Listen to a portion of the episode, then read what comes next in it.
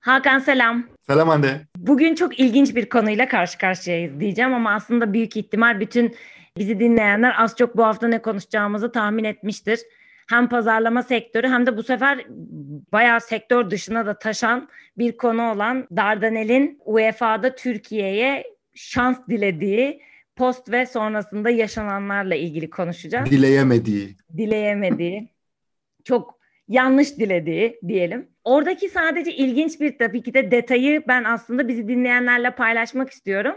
Biz tüketimi övgüyü yapmaya karar verdiğimizde tam yine e, bu sefer Dardanel'in başka bir sorunu vardı. Influencerlardan birisi, bir influencer bir video paylaşmıştı işte ve elle e, oradaki fabrikadaki çalışan kişilerin elle aslında kutulara doldurduğu, konservelediği vesaire gibi bir video paylaşılmıştı ve tüketici tarafında bu aslında nasıl yani fabrika değil mi orası insan eli mi değiyor vesaire gibi bir süreç böyle bir krize doğru dönen sonrasında Dardanel'in bir kamuoyu bilgilendirmesi yaptığı ve işte aslında dünyada bunun geçerli bir yöntem olduğuna dair bir konu vardı. Ve biz acaba böyle ilk bölüm Dardanel mi yapsak, bunu mu konuşsak vesaire deyip böyle bir karar verememiştik yine bizi en baştan beri dinleyenler biliyor ki ilk bölüm 8 Mart Dünya Kadınlar Günü ve Özel Gün İletişimi bölümünü yapmıştık. Kadermiş, illa bir Dardanel konuşacakmışız. Ben buradan onu anlıyorum. Ee, birinci sezonumuzun aslında final bölümünde Dardanel'i konuşmak bize nasip oldu deyip sözü bu konudaki en aslında ateşli düşüncelere sahip olan Hakan'a bırakıyorum. İlk bölüm dediğin gibi o influencer'ın ilk paylaştığı video üzerinden yapalım mı demiştik ama bir şekilde vazgeçtik bundan ve dediğin gibi sonra bir şekilde buna kısmetmiş aslında. En başta bu şimdi çok fazla tabii hem olayın daha sonra marka ajans tarafına giden başka bir tarafı var onu da konuşacağız bu arada. Ve tabii ki Dardanel'in bu iletişim en son yaptığı iletişim kriziyle alakalı konuşacağız. Bunları yapmadan önce bir aslında durum analizi yapmak sanki çok önemli. Çünkü şöyle bir durum var. Bu bizim çok fazla karşılaştığımız bir şey değil. Son 6 ayda Dardanel iki bilgilendirme ve bir özür yayınlamak zorunda kaldı yaptığı iletişimlerle alakalı. Normalde yani birçok marka yıllarını sadece tek bir özür veya tek bir böyle kamuoyunu bilgilendirmeyle geçirirken veya hiç böyle bir şey başına gelmiyorken Dardanel'de son 6 ayda neden böyle bir şey oldu? Bunun altında ne var aslında? Bunu konuşmadan önce bir durum analizi yapmak. Bu konular nelerdi? Bence onu bir anlamak önemli. Şimdi ilki Aralık 2020'deki aslında bir mevzu. Ve orada işte ton mu yesek diye bir aslında reklam kampanyası çıktı Dardanel. Ee, bu kampanyada yani baktığınız zaman zaten YouTube'dan vesaire izleyebilirsiniz hemen. Şöyle bir mevzu var. Ee, bir genç çiftimiz sokakta yürürlerken etrafta onları aslında kendi dükkanlarına ve kendi restoranlarına çekmek isteyen bir sürü esnaf görüyoruz ve bu esnaflar birazcık yani karikatürize edilmiş. Evet, karikatürize edilmiş ve aslında egzajere edilmiş esnaflar ve burada işte döner kesen biri böyle tuhaf hareketleri var vesaire bilmem ne falan. Burada aslında bir mizahi tarafa doğru gitmeye çalıştıkları bir e, içerik ve işte ton mu yesek aslında bırakalım bunları falan ve ton yiyelim bağlayan bir reklam. Bu yayınlandıktan çok kısa bir süre sonra pandemi de tabii o dönemin e, koşulları ve esnafın zor durumda olduğunu biliyoruz. Bu dönemde çok tepki aldı. Esnaf kadar zor durumdayken siz işte böyle bir reklam yayınlamanız ne kadar doğru vesaire gibi. Ve bunun üzerine 5 Aralık 2020'de tarihlerle falan geliyorum. Evet evet bu 5 Aralık 2000... yayın yapıyoruz. Evet 5 Aralık 2020'de Dardanel şu metni yayınladı. Bayağı okuyorum şu an metni. Gıda sektöründe 36 yıldır birlikteyiz. Birbirimizi iyi biliriz. Böyle bir girizgah yapmışlar. 2 Aralık akşamından bu yana bu ekranlarda ve dijital mecralarda müşterilerimizle buluşan ton mu yesek kampanyamızın amacı yemek kültürümüzü gösteriş malzemesi yapan ve esnafımızı temsil etmeyen şovları mizahi bir dille eleştirmektir. Burada bir dertlerini anlatmışlar. Çanakkale'de doğmuş bu toprakların insan emeğiyle, insanlığının emeğiyle büyümüş bir marka olarak ne esnafımıza ne de Türk mutfağına saygısızda kusur etmemiz söz konusu bile olamaz. Burada dertlerini açıklamışlar biraz. Kampanyanın başından beri olumlu veya olumsuz görüşlerini dile getiren herkese çok teşekkür ederiz. Sizlere saygımız sonsuz.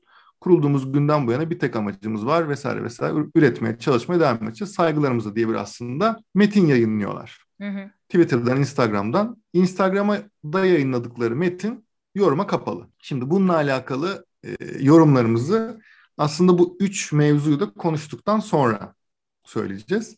İkincisi, şimdi bu Aralık 2020'deydi. Yani yaklaşık 6 ay önceydi biz bu yayını yaparken, kaydederkenden 6 ay önceydi. İkincisi, bir influencer'ın az önce Hande senin bahsettiğin gibi bir influencer'ın anladığımız kadarıyla bir fabrika gezisinde işte şöyle olur genelde üretimi olan markalar işte influencerları, gazetecileri, fenomenleri işte bir, bir şekilde söz sahibi ve büyük etki alanına sahip insanları toplarlar. Derler ki bakın bizim üretim testimiz bunlar. İşte buradan bir şeyler paylaşabilirsiniz veya kendiniz görebilirsiniz diye aslında bilgilendirirler. Genel olarak böyle bir süreç olduğunu anladığımız bir fabrika gezisinde influencerlardan bir tanesi, işte bu yüksek takipçilik kişilerden bir tanesi fabrikadaki süreçleri gösteriyor ve orada şunu görüyoruz. Bir erkek var sanırım tam hatırladığım kadarıyla ve kadınların genel olarak işte e, paketlere elleriyle, çıplak elleriyle ton balıklarını doldurduklarını görüyoruz. Ama hani şöyle şey bir durum yok yani hijyenin hiçe sayıldığı vesaire falan bir durum yok. Aslında steril bir ortam. Fakat bu kullanıcılar tarafından, tüketiciler tarafından şöyle bir tepki aldı diyelim aslında. Dediler ki yani işte hani el değmeden üretim diye bir şey var. Siz niye böyle yapıyorsunuz? İşte en azından eldiven kullansanız vesaire diye aslında böyle bir yorumlar şey yaptı ve işte Twitter'da çok konuşuldu, trending topik oldu vesaire. Bunun üzerine de Dardanel 23 Şubat'ta, 23 Şubat 2020'de şu açıklamayı yaptı.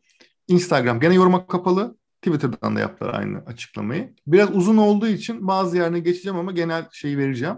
İşte bugün bazı sosyal medya mecralarında yayınlanan görüntülerle ilgili gelen eleştirileri üzülerek ve hassasiyetle takip etmekteyiz. Tesislerimizdeki eldiven kullanımı başta olmak üzere yorumlara konu olan bazı yanlış bilgilendirme açıklık getirmek isteriz. Sonra işte bazı işte Türk Gıda Kodeksine ve e, FDA'ye bazı şeyleri var, göndermeleri var ama günün sonunda şöyle söylüyorlar. Plastik eldivenlerin gene onların metinden okuyorum. Hı hı. Çok uzun olduğu için dediğim gibi her yeri okumuyorum. Plastik eldivenlerin büyük risk taşıdığı kolay yırtılabilir ve parçalanabilir bir malzeme olmasından dolayı son üründe yabancı madde bulaşı riski oluşturduğu bir gerçektir gibi bir açıklama yapıyorlar. Hı hı. İşte e, ve tüm çalışanlarımızın el hijyeni konusunda vesaire önemli uygulamaları olduğu vesaire vesaire. İşte daha sonra içerisinde tuz, zeytinyağı ve balığın dışında hiçbir katkı maddesi bulunmayan ürünler diyor. İşte bu deniz tuzudur diyor. Sterilizasyonla alakalı bir mevzu var diyor. Sadece burada bir önemli aslında kısım şöyle bir paragraf var. Bunun altını hassasiyetle çizmek isteriz ki videoda gösterilen üretim kısmı butik olarak tamamen el yapımı üretilmektedir ve bu üretim modeli tüm dünyada bu şekilde uygulanmaktadır. Burada hijyen dışı bir üretim algısı yaratmaya çalışan tüm kişi mecra ve hesaplara karşı hukuki süreç başlatılacağını da bildiririz diye bir taraf var. Sonra da en son işte 37 yıldır sofranızda bilmem ne bilmem ne işte markanın genel söylemlerini söylüyor. Şimdi bu ikinci yaşadıkları 23 Şubat. İlkini 5 Aralık'ta yayınladılar. Bu diğeri 23 Şubat'taydı ve gelelim en son aslında bizim artık bu bölümü yapmamıza sebep olan asıl mevzuya. Bu bir özür metni ama öncesinde mevzuyu anlatalım. Avrupa Şampiyonası'da Türkiye ve İtalya'nın oynayacağı maç öncesinde İtalya'ya şu an bunu e, söylemekte bir şey yok aslında. Çok çirkin ve argo bir dille makarnaya koyuyoruz diye bir aslında metin paylaştılar sosyal medyada. Ben orada ve çok bunun ne anlamı? girebilir miyim Hakan? E, alta ki. gelen yorumları okurken benim gözüme çarpan ve hani gerçekten hani bana sorarsan cuk oturuyor dediğim bir e, kullanıcı yorumuna denk geldim. Lise 2'ye geçecek olsak tam da bu cümleyi kurardım minvalinde bir şey. Maalesef ki dil hani anlamında tamamıyla ben de yani sonuna kadar katılıyorum bu kullanıcının yorumuna. Kim bilmiyorum da baya benim için şey biri ama en azından hani ben de şey söylemiş olayım ve eminim herkes bizi dinleyenler görmüştür. Dediğim gibi sektörün de dışına çıkan e, ya ben Ayşe Arman'ın paylaştığını gördüm vesaire bir sürü insanın paylaştığını gördüm. Uzun zamandır Türkiye'de sanırım bir markanın bir pazarlama faaliyeti. En son gerçi yine bir Türkiye ve aşılanma iletişimi reklamı yine böyle konuşulmuştu. Gerçi çok da uzun yaşıyoruz. olmamış ama. Genel olarak yaşıyoruz. yaşıyoruz evet doğru tamam hemen geri aldım o lafımı. Burada maalesef böyle bir metinle bir sosyal medya postu çıktılar. Tabii ki çok büyük reaksiyon aldı. Biz de çok yani nasıl böyle bir şey paylaşabilir bir marka vesaire diye bel altı diyebileceğimiz aslında bir metni nasıl paylaşabilir diye konuştuk. Ve sonrasında içerik o akşam sanırım kaldırıldı Dardanel tarafından ve şöyle bir özür yayınlandı. Özrü tamamını okuyorum. Hı hı. 11 Haziran tarihinde sosyal medya hesaplarımızda yapılan paylaşımdan dolayı başta kadınlarımız olmak üzere tüm kamuoyundan özür diliyoruz. Burada kadınlarımız kelimesini bir önce şey e, altın çizmek istiyorum. Dikkatimizden kaçan ve kurum kültürümüzü hiçbir şekilde yansıtmayan bu paylaşımı hazırlayan kurumlar ile de ilişkilerimizin sonlandırılacağını kamuoyuna saygıyla bildiririz. Kadın çalışanlarımızın emeği ile bugünlere gelmiş bir firma olarak şu andan itibaren iletişimimiz ve sosyal sorumluluk girişimlerimizde bu bilinci yerine getirmek için çok daha fazla çalışacağız saygılarımızla. Şimdi bu da 12 Haziran'da paylaştıkları yani aslında biz bu yayını yaparken çok yeni paylaştıkları yine Instagram'da yoruma kapalı olan ama Twitter'da tabii ki bunu yapamadıkları, bunun yapılamadığı, yapılabildiği aslında ama yapmadıkları bir paylaşım. Dolayısıyla aslında son 6 ayda neden böyle bir, nereden nereye geldik? Şimdi biz bunu o bölümü yapalım derken aslında bu influencer'ın fabrika gezisi ve ona yaptıkları Hı. aslında ona verdikleri yorum üzerine bunu yapalım demiştik. Çünkü bir şeyin geldiğini aslında görüyorduk. Çünkü yani ton mu yesek de bir şey başladılar. Yani bir, bir şey başladı. Tabii ki tek iletişimleri bunlar değil ama ya ton mu yesek de bir şey var. Arkasından bir fabrika gezisiyle ilgili bir tuhaf bir durum. Üzerine de bu aslında bizi hiç şaşırtmadı. Ve bununla birlikte aslında şunu da söylemek çok önemli. Yanlış iletişim yapmakla bir şeyi denemek arasında bir fark var. Kesinlikle. Burada ben farklı bir örnek de vermek istiyorum. Mesela Dardanel'in pilav ve tonla ilgili bir iletişimi oldu. Burada hani pilav üzerine ton balığı denenmesiyle alakalı bir aslında serileri vardı. Bir iletişim kampanyaları vardı. Bence içgörü olarak yanlış ve çok da bir şekilde tutmayacağını düşündüğüm bir iletişim tarzıydı. Ama bu tarz denemeler bence her markanın yapması gereken. Çünkü bazen pilav tutmaz, başka bir şey tutar. Günün sonunda satışları arttırma gibi bir hedefiniz var ve farklı iletişimler deneyebilirsiniz farklı yollarla. Dolayısıyla bu bu tarz iletişimlerden bahsetmiyoruz. Yani burada yanlış bir içgörü bence bu arada bir pazarlamacı olarak bence yanlış içgörü pilav ve ton. Ama dediğim gibi bu tarz denemeler vesaire yapılır. Bazıları çalışmaz, bazıları çalışır bu az önce bahsettiklerimiz böyle yanlış bir iletişim değil. Yani ton mu yesek esnafla alakalı olan şey ha yanlış yapmışlar bir dahakine denerler gibi bir durum değil. Aslında o yüzden bunlardan farklı. Burada bu konuyla alakalı hem bu belki pilav ton tarafıyla alakalı yani genel iletişimle alakalı hem de az önceki ton mu yesek influencer fabrika gezisi ve makarna ile olan ilişkiler arasında aslında e, sen ne düşünüyorsun Hande? Ve hani senin yorumlarını da ben aslında bazılarını biliyorum ama genel olarak yorumlarını duymak çok isterim. Öncelikle dediğim gibi ilk defa böyle bir yayın yapıyoruz. Baya böyle işte şey gibi ben hep masa arkadaşım diyorum. Yine bizi takip edenler belki biliyordur. Masa arkadaşım Hakan bugün gerçekten haber bülteninde konuk olmuş gibi masa arkadaşım Hakan hazırlığını yapmış. Belgelerimle. Bu, aynen. Aynen öyle. Belgelerinle geldin. Şimdi şu ilk önce aslında son dediğin şeyden başlayacağım. Bu pilav ton mevzusu benim için daha farklı bir mesela yerde. Ben işte reklamı ilk izledim. Allah'ım diyorum pilavla ton ne alaka? Ya da işte bir, bir şey yapacağım. Bu arada ben de bir ton balığı yani yiyen ara ara yiyen bir insanım. Ondan sonra yemek yapacağım mesela diyorum ki acaba şu pilavla tonu bir denesem mi nasıl olacak? Ne alaka falan filan diye ben böyle bayağı 10-15 gün pilav ton pilav ton kaldı aklımda. Sonra bir şekilde nasıl oldu bilmiyorum ama bir aydınlanma gel. Aa sushi dedim. Pilavla ton yani pilavla balık ne alaka hangi kül gelmedi aklıma uzun bir süre bağlaştıramadım. Onu büyük ihtimal hep o yuvarlak formda vesaire bir şeylerde görmemizden dolayı olabilir. Ve sonra dedim ki aa sushi pilavla balığın bayağı hani aslında iyi giden şeyler. Ben de sushi seviyorum ama pilav ve tonu denemedim. Ee, onu söylemeyeyim. Yani onu söyleyeyim denemedim açıkçası nasıl olduğuna dair bir fikrim yok. Ama dediğin gibi böyle şeyleri denemek, tutar mı tutmaz mı bakmak Ondan sonra farklı kullanım önerileri getirmek. Yani use case mi dersin buna ya da insanlara yani nasıl tarif veriliyorsa aslında bakın bir de tonu pilavla deneyin ya da tonu şöyle de deneyin. Çünkü günümüzde artık çok kalıplaşmış şeyler var. Ton balığı sandviçin içine konur, salatanın üstüne konur ya da makarnanın üstüne konur diye tutsaydı yeni bir alan ekleyip pazar paylarını arttırmak, daha fazla yeni müşteriye ulaşmak vesaire gibi bir sürü şey de olabilirdi. Bir ikincisi Karadeniz bölgesinde hamsili pilav yine sushi'ye ayınca bu da aklıma geldi. E, hamsili pilav bayağı yöresel işte ya da diğer büyük şehirlerde de yine Karadeniz mutfağını ele alan restoranların menüsünde mutlaka olan bir yemek. O yüzden bence denenebilir de bir şeydi. Oldu olmadı gerçekten sonuçtan hiç paylaşmadılar. Zaten normal paylaşmamaları da ben de bilmiyorum ama o iletişimi bir daha devam ettirmemeleri ya da buna dair hiçbir tekrar retargeting diyebileceğimiz yani aynı o hedef kitle bak bu yürüyor biraz da şöyle deneyelim bir şey olmadığı için büyük ihtimal çok da büyük bir etki yaratmadı diye düşünüyorum. Ama e, negatif bir şey konuşuyorsak pozitif bir şeyini de bence konuşmak e, bizim yapmamız gereken bir şey. Bence bu pozitif tarafı. Ben şey reklamını izlediğim zaman işte bu iki çiftin İstanbul'un dar sokaklarında restoranlardan kaçma mücadelesi. Çünkü o bir kaçış hikayesi gibi yani üstüne üstüne geliyor. İşte böyle karanlık sokağın arkasına saklanıyorlar. Ton mu yesek diyerek eve gidip evde kendileri yemeklerini yapıp işte ton balığını üzerine ekleyip yiyorlar.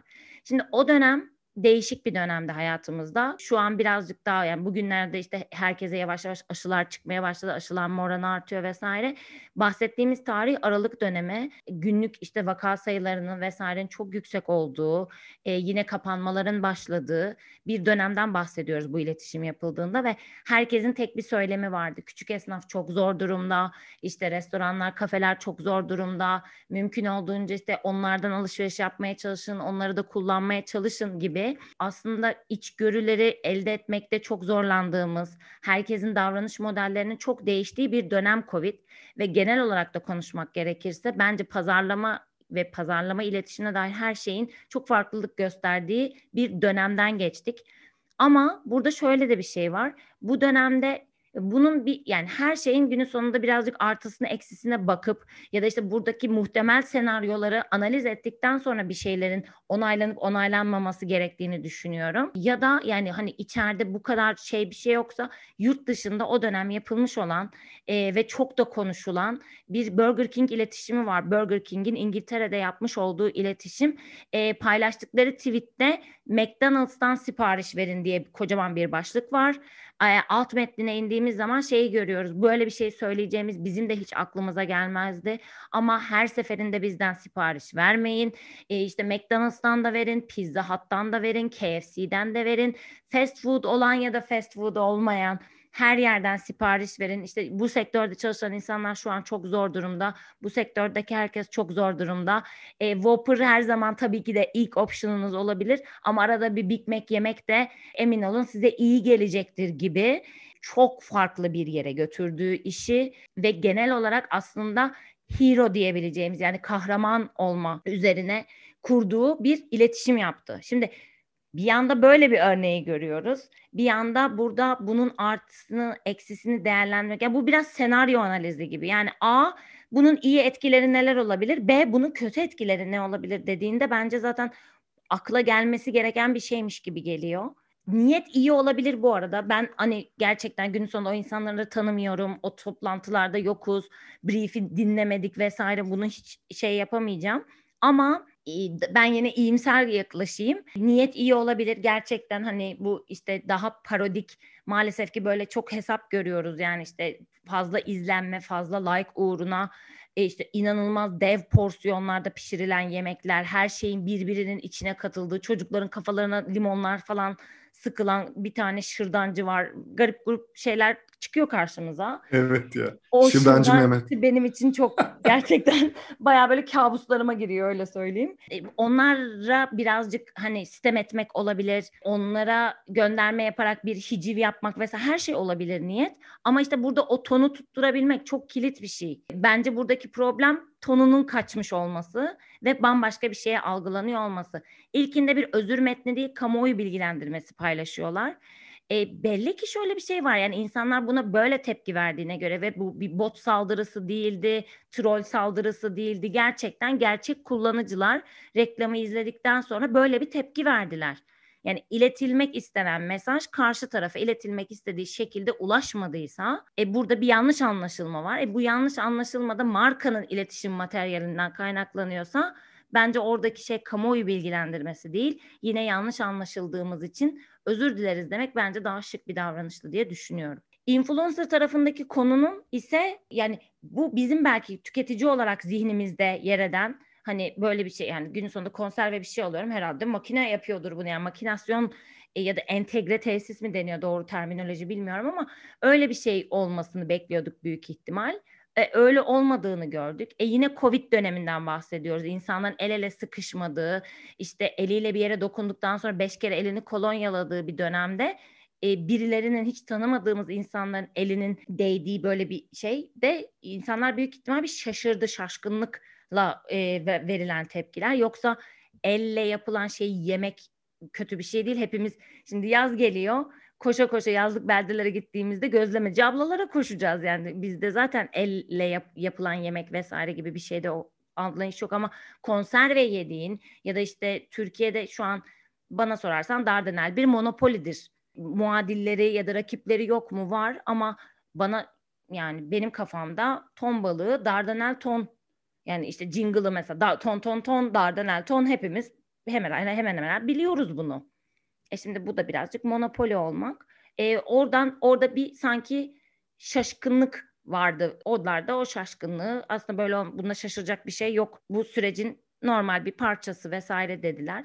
E, bu kamuoyu bilgilendirmesinin üzerine farklı bir iletişim yapılabilir miydi? Eskiden bizi dinleyenler arasında bizim yaşıtlarımız varsa Uğur Dündar böyle fabrikaları gezer ve işte kontroller gerçekleştirirdi. Yani gerçekten bir fabrikamızı size açıyoruz, fabrikanın kapılarını açıyoruz, açık iletişim Mesela öyle bir şey yapılabilirdi. Bunu 8 Mart'ta Kadınlar Günü, kadın çalışıyoruz, kadınlarla çalışıyoruz. İşte Dardane hep kadınların çalıştığı bir yer diyerek fabrika görüntülerini de araya sıkıştırdıkları bir e, iletişim yaptılar. Beğenen de oldu, beğenmeyen de oldu. O yüzden o da çok şey arada kaldı diye düşünüyorum. Son iletişim dediğim gibi maalesef dil olarak hedef kitleye iletişim konusu. Sanki UEFA'nın şampiyonuymuş da vesaireymiş ya şey pardon sponsoruymuş da gibi hani bu kadar böyle aşırı iddialı ve hiç hoş olmayan argoya kaçan artık hatta bir tonda bir iletişime gerek hiç yoktu. Tabii ki de UEFA'ya dair bir iletişim yapmak Türkiye milli takımına. Bu arada zaten zor zamanlardan geçiyoruz. İşte daha birlik, beraberlik, umut, destek. Hani bir olalım, tek olalım vesaire şeyler kesinlikle bence olmalı. Bu bir real time iletişim aynı zamanda. Ama olmadıysa neler olduğunu bilmiyoruz o gün tabii. Ona da değineceğiz marka ajans ilişkisine. Ben birazcık hem üzüldüm, üzüldüm yani Yaptığım bir sürü güzel iş de yapılıyor ama böyle şeyler olunca insan çok üzülüyor. Kötü algılanıyor böyle pazarlamacılar gibi oluyor. Bazı ajanslar çok zor durumda kaldı. Sürecin işleyişinde vesairesindeki bir sürü farklı partinin yanlış iletişiminden diyeyim. Ve sözü sana bırakayım. Sen ne düşünüyorsun? Bu makarnaya koyuyoruz mevzusu aslında kırmızı pazartesiydi yani. Herkes biliyordu geleceğini bence en azından pazarlamacılar öngörüyordu diye düşünüyorum. Çünkü üst üste bu kadar hata mı diyeyim, ton mu yesek de az önce süper bir örnek verdin yani. Burger King İngiltere'nin McDonald's'tan da alın, KFC'den de alın, Taco Bell'den de alın bilmem neden. Çünkü bu dönem birlikte bir şey yapıyoruz. Aynı mevzu işte bu Black Lives Matter işte Amerika'da hmm. e, siyahi bir vatandaşın öldürülmesiyle sonuçlanan mevzu sonrasında Nike'ın paylaştığı bir içeriğin yanlış hatırlıyor tam tersi de olabilir ama Nike'ın paylaştığı içeriği Adidas retweet etti diye hatırlıyorum. Veya tam tersi. Günün Nike, sonunda Adidas insanlar diyelim. Tabii pasla aynen öyle, aynen öyle. Paslaştılar ve çok güzel tepki aldılar. Yani retweet eden daha fazla tepki aldı. Daha güzel tepki aldı şeyden. Asıl içeriği paylaşandan mesela. Çünkü sanırım Adidas da hatta şöyle bir şeyle paylaşmıştı yanlış hatırlamıyorsam bazen güzel şeyleri hiçbir ekstra bir yorum yapmadan paylaşmak lazım modunda bir şey tweetledi falan. Böyle inanılmaz yani güzel bir tepki aldı ve markalar özellikle böyle bir common enemy, bir ortak düşman olduğu zaman aslında ona karşı birleşilen durumlarda çok hoşlarına gidiyor. Doğal olarak hepimizin hoşuna gider. Günün sonunda bir pandemi diye bir işte bir virüs diye bir düşman var aslında ve ona karşı bütün markaların, bütün şirketlerin, bütün yapıların, bütün organizasyonların buna karşı durmasını bekliyor doğal olarak. Hepimiz bekliyoruz. Şimdi burada böyle şeyler konuşurken bir markanın bence de düşüncesizlik ettiklerini düşünmek istiyorum. Yani zaten bilerek kimse kolay kolay böyle bir şey yapmaz zaten. Ve böyle bir hani düşüncesizlik ederek bir iletişim kampanyası yayınlaması dediğin gibi aslında üzücü. Ama burada bir sonrasındaki ben şeye takılıyorum. Ben bu özür metinlerine veya işte bilgilenme metinine çok takılıyorum. Türkiye'de özür dilemek sanki kötü bir şeymiş gibi algılanıyor ama yani bu bilgilendirme metni, Tom Miyes'in bilgilendirme metninde biz aslında haklıyız, bir sıkıntı yok diyor aslında. Benim buradan gördüğüm o. Evet. Yani biz bu bu bu bu bu amaçla yaptık. Bilginize diyor. Yani iyi de o zaman sen müşterini anlamak için uğraşmamışsın demektir. Yani zaten sen bu kafa yapısıyla zaten ileride sorun yaşayacaksın. Çok belli. Yani ya iletişim yapmaman lazım hiç. Hani radarın altında ilerlemen gitmen lazım. Pazarlama yapmayacaksın. Veya zaten bunun gibi benzer şeyler yaşayacaksın sorunlar. Yani diğer ikinci mevzuda influencer'ın işte o fabrika gezisindeki şeyde. Yani ben şeyden çok yani insanların, tüketicilerin, bizim, vatandaşın el değmeden üretim istemek gibi bir hakları var. Bunu sağlayıp sağlamamak senin şirket olarak tabii inisiyatifinde tabii ki. Hijyen koşulları çünkü sağlamadıkları bir durumda bu arada izlemedik videoda. Hı hı. Ama ben gene sonrasında yaptıkları gene senin bahsettiğin yani o Kadınlar Günü iletişiminden bahsediyorum. Yani orada zaten Kadınlar Günü veya bu tarz günleri böyle reklam malzemesi yapmaya karşı böyle bir hani hmm. tuhaf bir duruşumuz da var aslında genel olarak. Burada da bizim şeyimiz böyle olur. Yerseniz diyor yani bu şey bizim duruşumuz ve şeyimiz bu. Sizin ne düşündüğünüzü umursamıyoruz diyor. Yani buna getiriyor işi aslında o şeyi paylaşırken. Bir tık daha sadece biz bunu yaptık vesaire demiyor. Hani gene bir açıklamada bir uğraş falan var ama yine günün sonunda şuna geliyor. Biz haklıyız, biz doğruyuz, siz yanlış anlamışsınız. Za geliyor mevzu. Şimdi normalde şöyle şeyler konuşuruz ya marka değerlerinde mesela snob kimi marka öyledir yani snobdur cool vesaire gibi hani böyle bir sürü marka değeri olabilir ama buradaki duruş o yani zaten A markanın genel olarak yapısını incelediğimizde böyle bir şey yok. Bu başka bir şey ya. Başka bir şey. Bu yani şey gibi biz yapıyoruz hani buyurun buyurursanız. Ya mesela Hakan sen ben de şey e, okurken büyük ihtimal dikkatimi çekmemişti. Sen okurken şöyle bir şey duydum e, mesela müşterilerimiz yani bir markanın mesela ne hmm. bileyim ben müşterilerimiz demesi yani tüketici, takipçilerimiz, bizi tüketenler, bizi kullananlar, bizi sevenler gibi bir sürü kelime varken müşterilerimiz bana şey gelmiyor. Algı olarak zaten oraya konumlanıyor gibi hissettiriyor. Evet evet yani basit duruyor da yani de, e, basit duruyor evet artık daha naif davranamayacağım basit duruyor.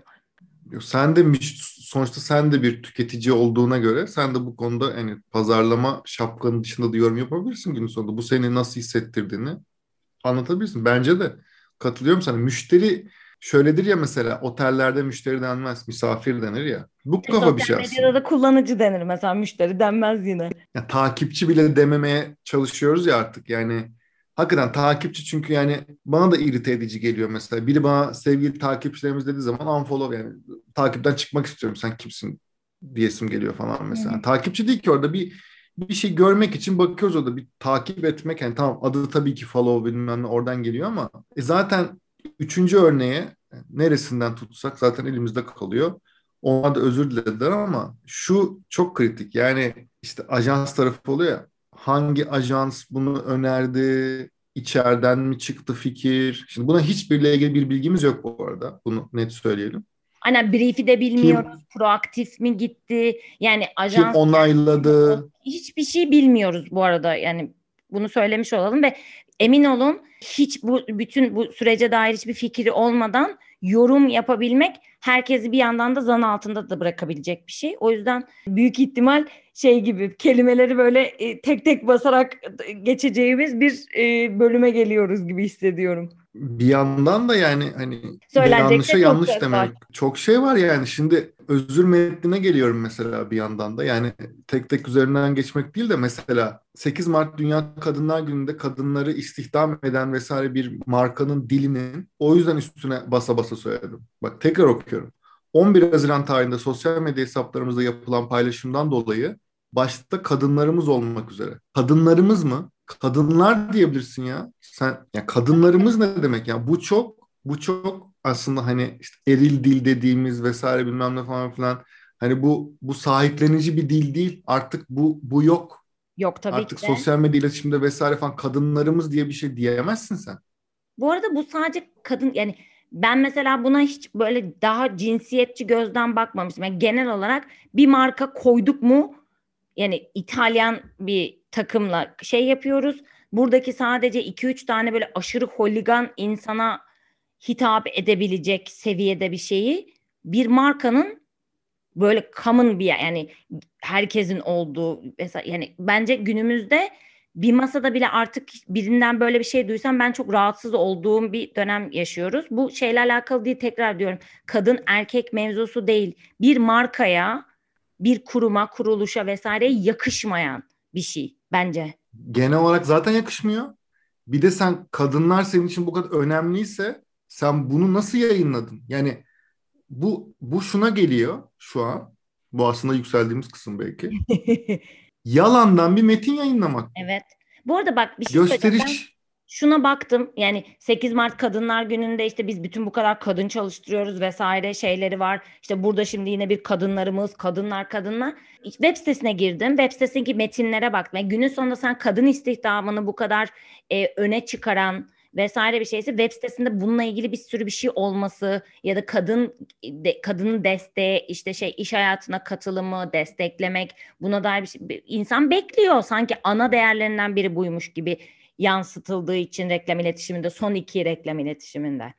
Evet. Ee, ben web sitesinde yani emin bu arada çok fazla sekme var tabii ki de çok fazla bilgi var belki başka yerlerde vardır benim gözümden kaçmıştır ama en azından okuduğum yerlerde söyleyeyim yani hiç yoksa bir 9-10 sayfa gezdim. Ee, okuduğum yerlerde sadece bir cümle gördüm. Çalışan kadınlarım işte şey çalışanlarımızın çoğunluğunun kadın olduğu vesaireye dair. Bir de yine Google'da bir arama yaptım hızlıca. Ee, orada da şöyle bir şey gördüm. 2016 yılında büyük ihtimal bir basın bülteni mi artık yayınlandı ya da bir birisi haber yaptı. Pek çok mecra Ondan hani görerek mi haber yaptı bilmiyorum. İşte Dardanel'in çalışanlarının yüzde sekseni kadın gibi bir haber var. 2016 yılında yapılmış. Bu kadar kadın kadın hani kadın biz çalıştırıyoruz. Kadının iş gücüne katılımı vesaire dendiğinde insanın gözü daha farklı şeyler görmek istiyor. Belki göstermeden yapılıyordur. İnşallah öyledir diye ümit ve temenni ediyorum. Bilmiyorum ama mesela ben Hakan olarak bu metne gördüğüm zaman kimse kusura bakmasın ben inanmıyorum buradaki samimiyete inanmıyorum. Ben kadın duyarı yapıldığını düşünüyorum. Biraz e, şey ağzıyla konuşayım, arkadaş masası ağzıyla hmm. konuşayım. Kadın duyarı yapıldığını düşünüyorum. Bence de. Yani dikkatimizden kaçan ve kurum kültürümüzü başka bir tarafa giriyorum aslında. Dikkatimizden kaçan ve kurum kültürümüzü hiçbir şekilde yansıtmayan bu paylaşımı hazırlayan kurumlarla ilişkimizi sonlandıracağı vesaire. Gelelim. Bu şey İşin ha, en şey gelelim, can canlı yerine. En şey yerine. Şimdi burada da iş başka bir yere geliyor. Zaten artık neyin yanlış olduğunu hani bir şekilde çok net ortaya koyduk diye düşünüyorum ama burada şöyle bir şey var.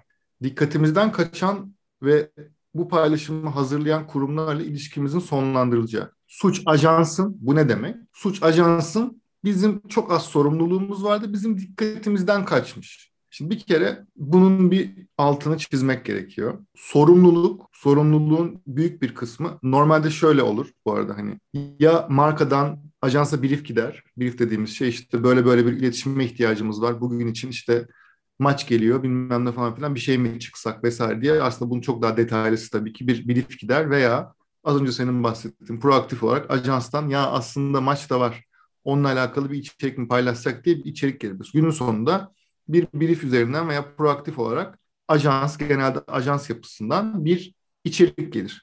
Bu içerik marka tarafındaki herhangi biri görmeden paylaşılması neredeyse imkansızdır. Evet. Yani en ufak içeriğe kadar ben hatırlıyorum yani marka tarafında bizim görmeden paylaşın dediğimiz herhangi bir içerik olmadı. Ajans tarafındayken markadan onay almadığımız ve paylaştığımız herhangi bir içerik olmadı. Bunu yapamazsınız. Bu yapılamaz normalde. Bu durumda dikkatimizden kaçan diyor. Yani bu dikkati dikkatten kaçılmayacak bir şey oldu. Çok net bariz. Yani burada diyor ki biz sorumluluğu almıyoruz. Bizim kolayımıza geliyor. Biz ajansı ve kurumlar neyse onları sorumlu tutarız. Onların üzerine yıkıyoruz bu şeyi. Şimdi bu da mevzu çok başka bir tarafa hı hı. götürdü ve götürüyor. Zaten konuşulmaya başlamıştı. Bunun üzerine Marketing Türkiye, Türkiye'nin en eski pazarlama mecralarından ve dergilerinden aslında biri hı hı. bir haber yayınladı. Bu konuyla alakalı, bu özürle alakalı bir bilgi. İşte genel şey şu an değiştirmişler veya kaldırmışlar direkt bu haberi. Şöyleydi, bu yapılan en son paylaşım Dardanel'in yaptığı paylaşım sonrasında Dardanel bir özür metni yayınladı. Özür metni bu. Bu içeriği yapan ajansında Titri Fikir olduğunu Tespit yayınladılar. Et. Ha yayınladılar. Tespit ettik işte gördük vesaire bir şey dediler. Tamam mı? Şimdi Marketing Türkiye bu yayını bu içeriği yayınladıktan çok kısa bir süre sonra Titri Fikir, Titri Fikir de Türkiye'nin önemli reklam ajanslarından biri bilmeyenler için. Titri Fikir de bir metin yayınladı. Metni olduğu gibi okuyorum yine. Instagram hesaplarından gördüğüm şekilde. İlk yayınladıkları metin şu. Dardanel firmasının Avrupa Şampiyonası için hazırlamış olduğu makarnaya koyuyoruz başlıklı işin Titri Fikir ile hiçbir ilgisi yoktur. Sektörün saygın yayın organlarından biri olduğunu düşündüğümüz Marketing Türkiye dergisi de Dardanel'in bu paylaşımını Titri Fikir'inmiş gibi haber yapmış ve durumu daha da üzücü bir noktaya taşımıştır. Marketing Türkiye dergisinin bu haberi Titri Fikir ile teyit etmeden çıkmış olması habercilik adına maalesef daha da üzücüdür.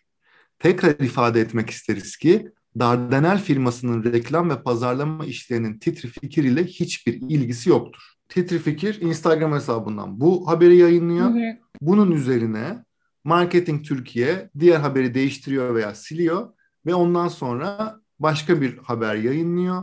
Haberde de şöyle bir şey var. Haberin bir kısmını okuyorum. Marketing Türkiye'nin şu an web sitesindeki haberden okuyorum. Şirket, Dardanel'den bahsediyor. Yaptığı açıklamada paylaşımı hazırlayan ajansla işbirliğini sonlandıracağını da kesin bir dille belirtti. Sosyal medyada çalışmayı yapan ajansın titri fikir olduğuna dair iddialar Marketing Türkiye olarak yaptığımız Dardanel'den olay yaratan paylaşımlarla ilgili açıklama geldi haberine de yansıdı. Ancak sonrasında ulaştığımız güvenilir kaynaklardan Dardanel'in olay yaratan ve ardından markanın yollarını ayırmaya karar verdiği ajansın DAK İstanbul olduğu bilgisine ulaştık. Bu sebeple Titri Fikir ekibinden ve okurlarımızdan özür diler.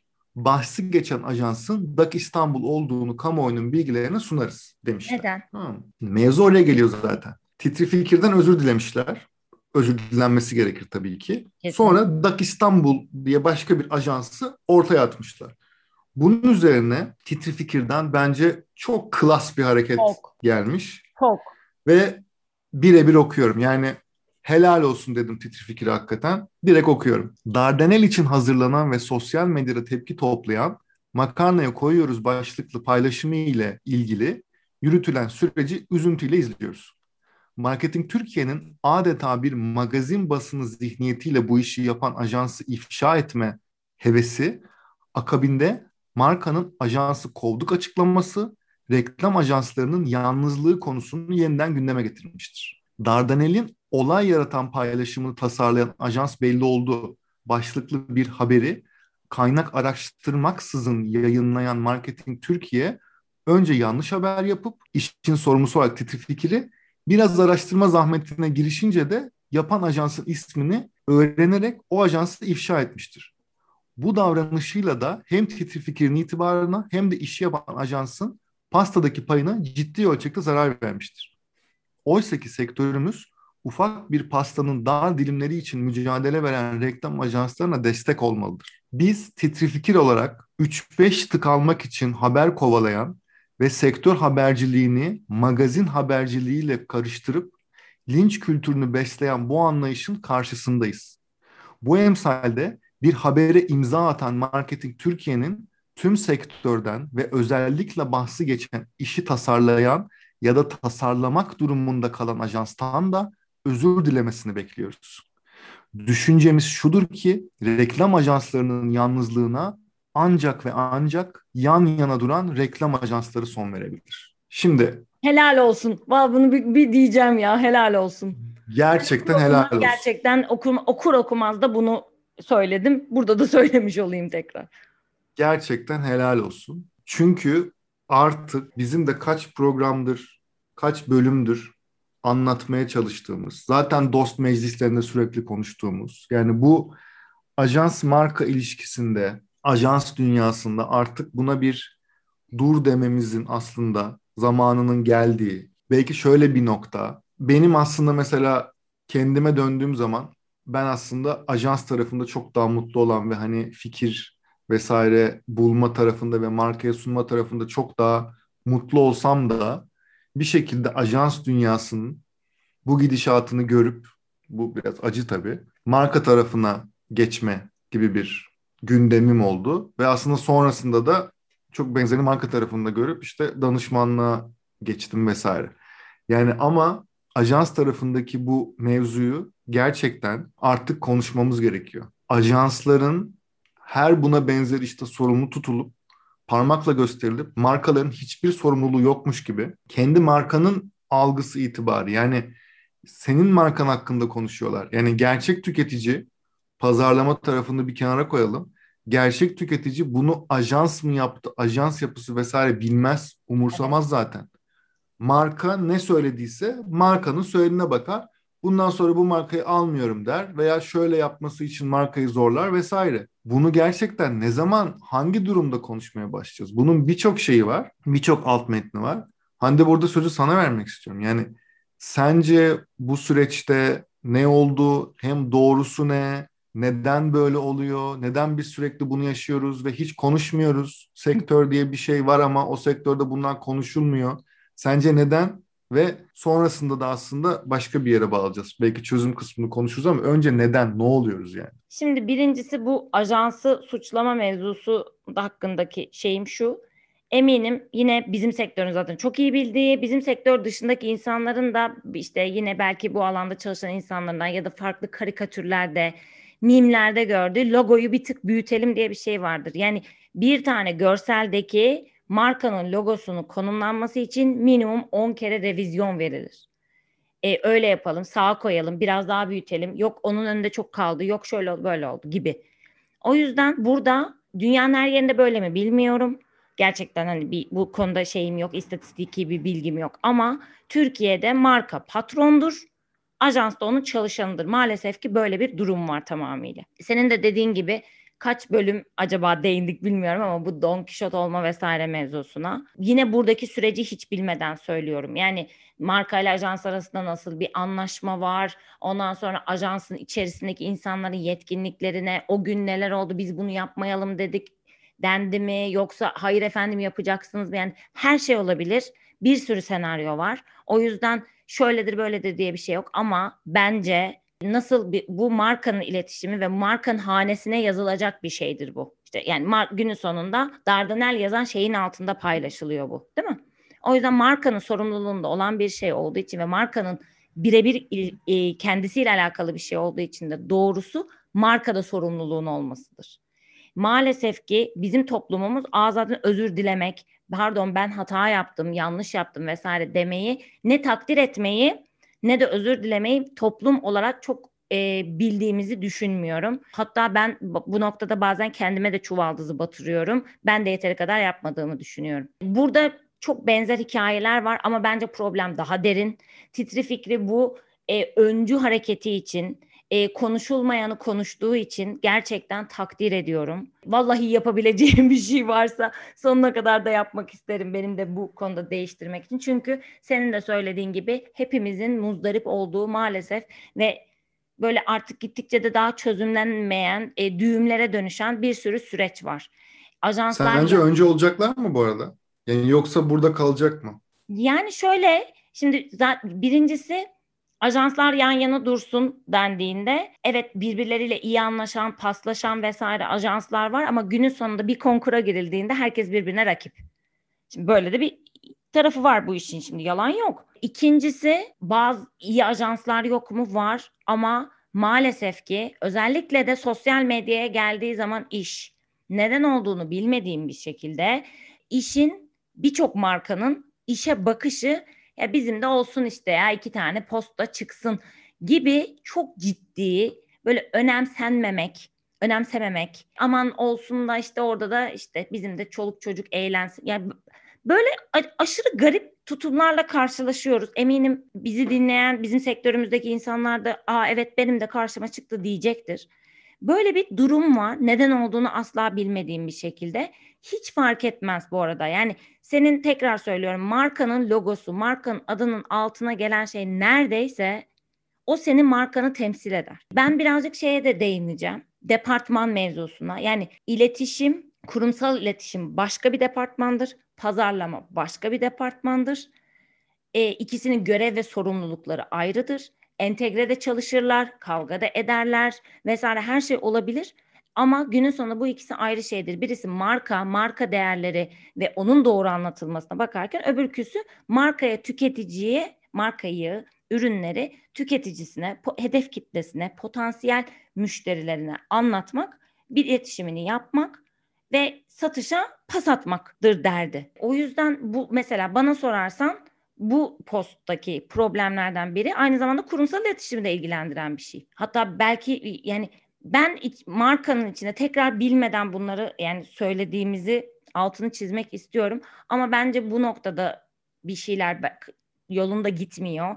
Yani 6 ay içerisinde 3 tane biri yanlış anlaşıldı. İşte birisi öyle değil de böyleydi. Birisinde şu... amatörce yürütülen bir süreç olduğunu düşünüyorum içeride. Sosyal medyayı dediğim gibi önemsemiştir, önemsememiştir. Yani buna dair bir fikrim yok. Bu ama genel problemlerden birisi olduğunu düşündüğüm için söylemek istedim. İkincisi maalesef ki bizim yine sektörümüzdeki haber kurumlarında haberleri ben de çok rastladığım için söylüyorum. Marketing Türkiye özelinde değil genel olarak bu alanda yayın yapan haber platformu diyelim bunlara yanlış haber paylaşıldığını ya da teyitlenmeden paylaşıldığını ya da insanlara ya böyle bir şey var bu doğru mu değil mi denen paylaşıldığını bizzat şahit olduğum birkaç tane içeriği ben biliyorum. E, bunlar günün sonunda bizim sektörde insanların baktığı ya da işte yeni başlayan arkadaşların baktığı, belki kendilerine bir şey katmak istedikleri, öğrenmek istedikleri bir yer.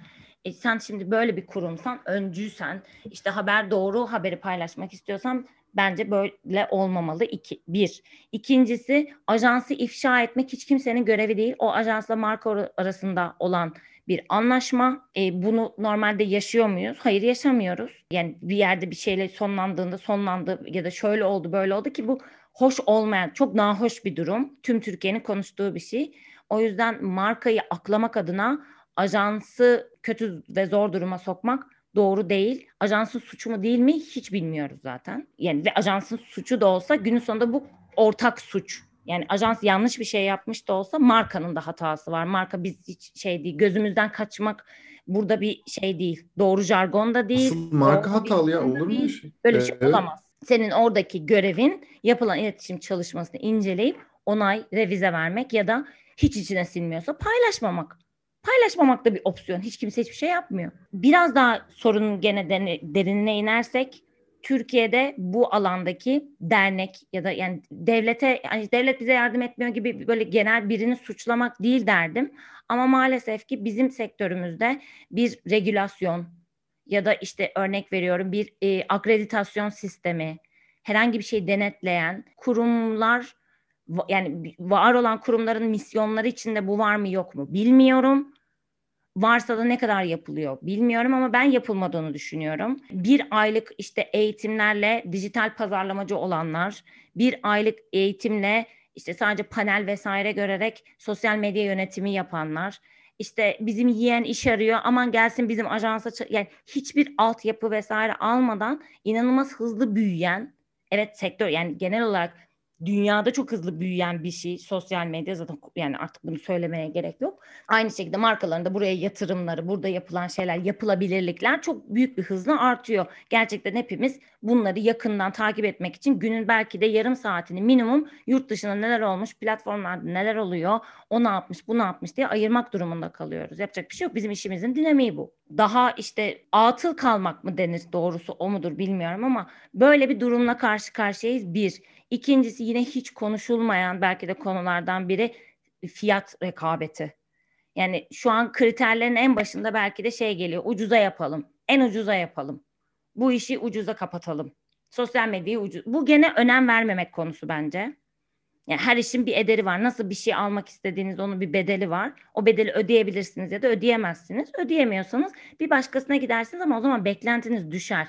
Yani örnek veriyorum bir bilmem ne Alman arabasıyla bir bilmem ne arabası hiç bilmediğim alandan girdim ama Hakan yardım et.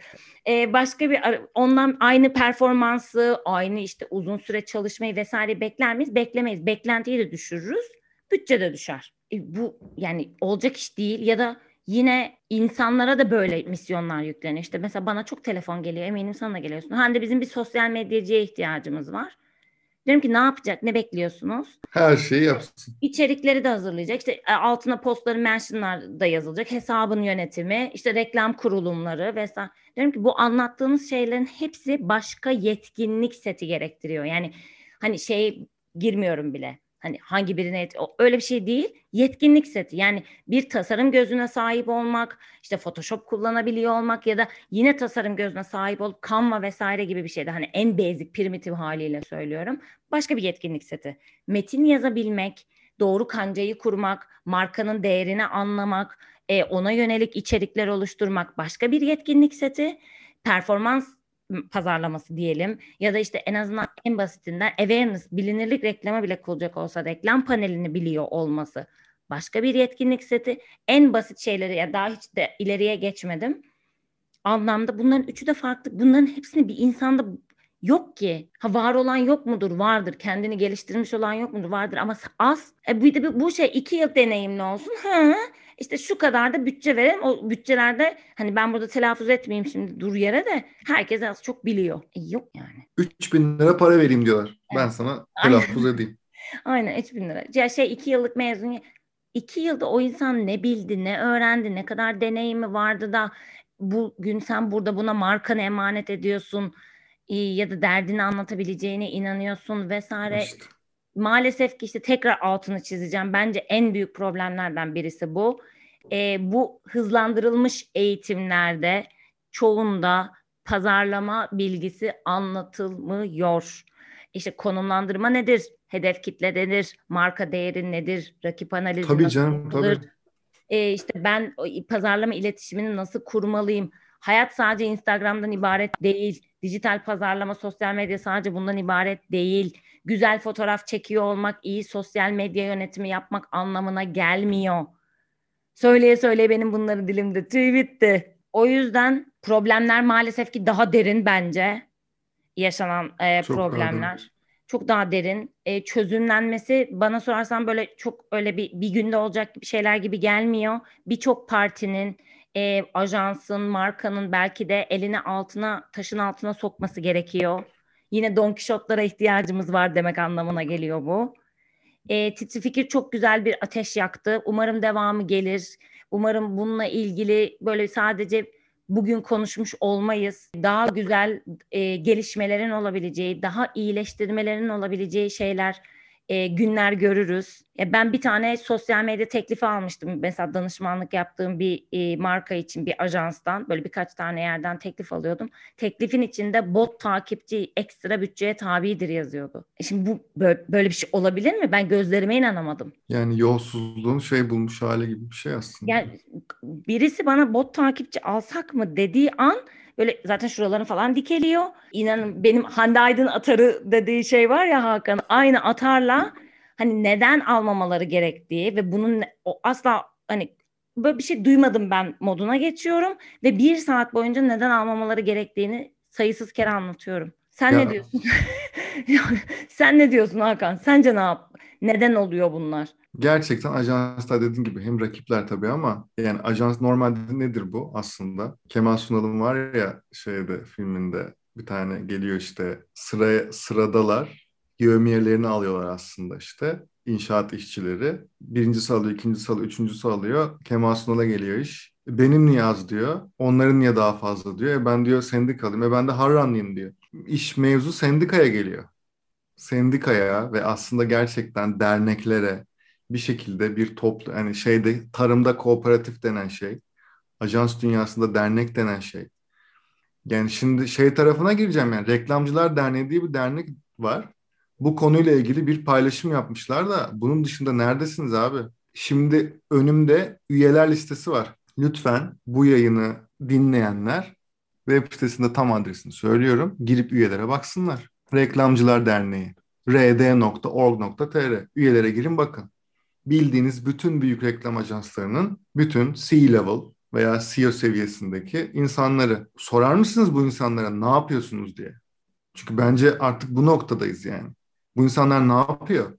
Bu ajanslar ne yapıyor? Bu bu derneklerin sadece Reklamcılar Derneği değil, bu derneklerin görevi, buna benzer derneklerin görevi sadece ödül vermek mi? Ödüllerin de altyapısını vesaire falan 50 kere konuşabiliriz bu, bu arada ama hadi başka tarafa sokmayayım mevzu şimdi. Siz ne yapıyorsunuz? Bu mevzu buralara gelirken hepiniz yani hepiniz oradaydınız lafı var ya hepiniz oradaydınız yani. Bu mevzu buralara gelirken hem network ajanslar dediğimiz aslında global ajanslar hem kendileri ilerleyen ajanslar, yerel lokal ajanslar. Bir sürü insan var. Bir sürü LinkedIn'de ben pazarlamacıyım, ben reklamcıyım, ben şöyle bilmem neyim diye bunu söylemeyi hakkınızdır tabii ki biliyorsunuz. Ama ne yapıyorsunuz diye sormazlar mı? Yani mesela ben maalesef Titri Fikir'in bu haklı serzenişine tabii şu da bir mevzu. Yani Titri Fikir eğer Marketing Türkiye Titri Fikir'den bahsetmese Titri Fikir bu ateşi yakacak mıydı? Şimdi bu da başka soru işareti tabii, tabii ki. ki. Yine yani. olasılıklar, ihtimaller silsilesi. Tabii ki. Ama günün sonunda olmuşa bakalım. Olmuşu da titri fikir çok güzel bir noktaya getirdi. Buradan başka bir gidecek. Benim kişisel görüşüm burada kalacak bu. Benim tahminim o yanan ateş, olimpiyat ateşi gibi bilmem nerelere ilerlemeyecek yani. Bir şekilde aynı tas, aynı hamam, aynı sektörel mevzular. Yani şöyle bir mevzu var ya, senin dilinde tüy bitti dediğin, kaç bölümdür konuştuğumuz vesaire falan. Marka tarafındaki insanların çoğu bilgisiz. Reklam ajanslarındaki insanlar artık eğitilemiyor. Çünkü şöyle bir şey var. Az önce senin bahsettiğin her şeyi yapsın. Biz asgari ücret 3 bin lira verelim sonra bakarız. Veya stajyer gibi alalım biz bunların hepsini kendini geliştirsin sonra bakarız. Bunun sebebi ne veya sonucu ne? Marka daha az para veriyor ajansa. Şimdi yumurta tavuk mevzusu var bir de. Kalifiye olmayan elemanı çalıştırıp ajansta onunla bir çık elde etmeye çalışıp markaya sağlamaya çalıştığın zaman bunun karşılığında kalifiye olmayan kişi için daha az para alıyorsun veya kalifiye olanın karşılığında daha çok para almaya çalıştığın zaman ya marka seni diyor ki bunu daha az bütçe yapamıyor muyuz?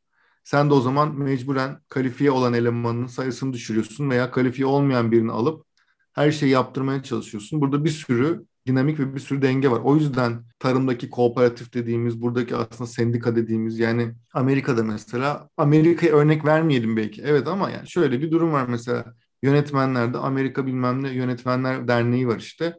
Orada belli yönetmenler var ve onlara belli bir bütçenin altında teklif veremiyorsunuz. Türkiye'ye gelelim. Muhasebede, muhasebecilere siz şu an bir şirket kurduğunuz zaman tanıdığınız bile olsa bir muhasebeciye gidip ben sana ayda sadece 50 lira vereceğim. O da tamam abi ben zaten tanıdıksın hani sana yararına diyemiyor. Bir minimum barem var. Muhasebe tüm muhasebeciler buna uymak zorunda. Daha doğrusu bütün şirket sahipleri bu mevlaları ödemek zorunda. O neyse minimumu bunun. Yani daha önemli veya daha önemsiz demiyorum ama reklam ajanslarında ve ajanslarında niye yok? Yani şunu çok iyi biliyoruz mesela. Biz seninle oturalım. Sosyal medya yönetimi ne kadara, hangi koşullarla vesaire falan sayfalarca o dokümanı hazırlayıp ortaya koyabiliriz. Ve şöyle olur yani. Adam saat hesabı olabilir. Post başına mı olur? O postun içeriğinin ne olacağına göre mi olur? O post için atıyorum stok bir görsel aldım üzerine metin koydum gibi bir postsa başka bir şey. Bir video içerikse başka bir şey. Photoshop kullandınsa başka bir şey. Online bir platform üzerinden o tasarım hizmetini aldıysan başka bir şey yapay zeka yaptırdıysan başka bir şey. Bunların hepsini birçok insan sektördeki oturup dokümente edebiliriz. Bu çok net. Bunun gibi birçok şey de yapılabilir. Ama bu ya bazılarının işine gelmiyor. Ya aman ne uğraşacağım ben kendi ekmeğime bakarım diyor. Ya o gücü yok bunu şey yapmak evet. için ama hep konuştuğumuz o Don Kişot birilerinin ses çıkarması lazım. Birinin lütfen şu derneklerin vesairelerin web sitelerine girip üyeleri dürtün ya. Bu arada siz bilmem kim bey bilmem kim hanım ne yapıyorsunuz bununla alakalı? Hesap sorun ya. Bu arada şöyle bir şey var. Bence o derneklerde gerçekten Don Kişotlara da yer verilmesi gerekiyor. Yani baktığımız zaman sektörde çok uzun zamandır olan hatta isimlerin bazıları şu an aktif bile olmayan yani artık bu mesleği yapmayan insanlar var yeni alttan gelen gerçekten çok şey insanlar var. Yeni bir şeyler denemek isteyen, bu konuda çok hevesli olan, bir şeyleri değiştirmek isteyen bir sürü insan var. Mesela bu sene yine Cannes, Lyon vesaireye giden e, gençlerin işte projelerine baktım ben. Ön elemede işte şey yapılan ve sonrasında seçilen ya da aralarda yine bir sürü işte LinkedIn'de vesaire eminim herkesin karşısına çıkıyordur.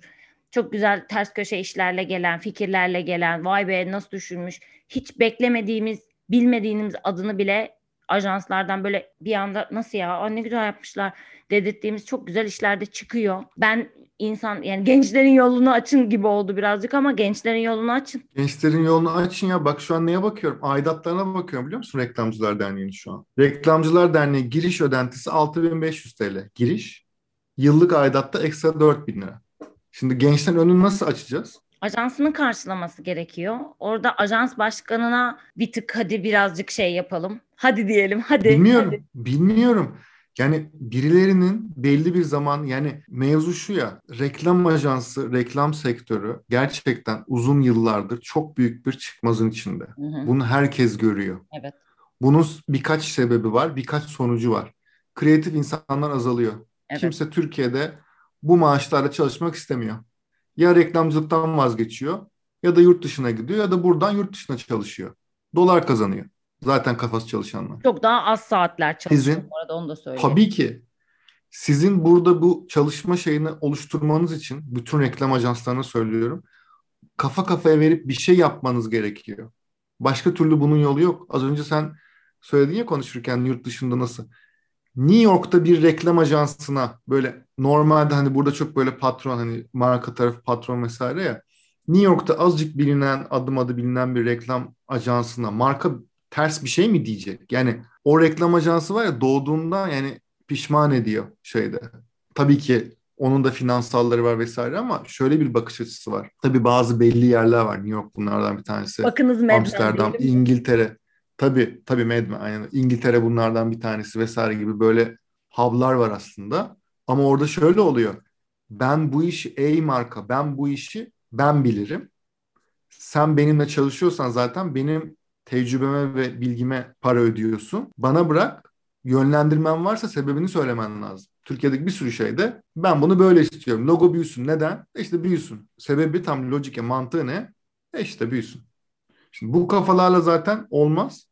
Şey için ne yapmamız gerekiyor bilmiyorum. Yani en azından şu an bizim elimizden bu geliyor. En azından biz bu en son yaşanan durumu yani bu ajans marka ilişkilerindeki ve işte ajansların yalnızlığını Titi Fikir'in söylediği şekliyle belki birkaç kişinin daha fazla kişinin daha duymasını sağlarız buradan bilmiyorum ama bizim elimizden şu an bu geliyor. Umarım herkes elinden gelen en azından bu yayını dinleyen herkes ajans dünyasındaki, marka dünyasındaki bunun için bir şeyler yapmaya, yalandan bir şeyler yapmaktan bahsetmiyorum. Gerçekten elini taşın altına koymaktan bahsediyorum. Bir tek şey bile olsa en azından Umarım yaparsınız. Umarım yapılır. Umarım yani böyle çok şey gibi olacak ama yani umarım daha güzel bir reklam dünyası Türkiye'de yaratmak için fırsat bulabiliriz. Çünkü durum her geçen gün daha kötüye gidiyor. Yani Marmara'daki müsilaja benziyor bu mevzu. Çok net, çok net. Görüyoruz ya. Nereye gittiğini görüyoruz yani. Yıllardır görüyoruz. Lütfen bir şey yapalım deyip son kapatma şeyini sana bırakıyorum bölüm şahane mi oldu nasıl oldu bilmiyorum valla ama umarım işe yarar. Yok gene şahane oldu. Yani biz en azından söylemek istediğimiz her şeyi yine söylediğimiz, bizce yanlış olduğunu düşündüğümüz her şeyi yine değindiğimiz bir bölüm oldu. Sadece bu şey gibi birazcık yani dediğim gibi bir günde değişecek ya da bir anda bir şey olacak ve değişecek bir durum değil. E, ajansların yani zor durumda kaldığı durumlarda var ama marka tarafına geçtiğimiz zaman da ajanslar da bütçeler de uçtu vesaire deniyor. Bunlar gerçekten realistik mi çalışılınıyor yoksa bizim artık kaşemiz bu vesaire gibi bir zihniyetle mi yapılıyor onu da bilmiyorum. O yüzden bence gerçekten birilerinin kafa kafaya verip yani bu arada illa ajanslar ajanslarla kafa kafaya versin değil yani genel olarak doğru bir çalışma yöntemi, bunun doğru e, çerçeveleri min maxlarının belki belirlenmesi vesaire gibi birazcık daha regülasyon demek hiç hoş bir kelime değil. Yani sanki bir illa bir şeyin kuralı olması gerekiyormuş ya da birileri tarafından denetleniyor olması değil ama bir düzen değişikliğine sanki ihtiyacımız varmış gibi geliyor. E bunu aslında birazcık genel olarak hani bu konudan komple çıkıyorum. Genel olarak gelen yaşanan da bir tıkanma var.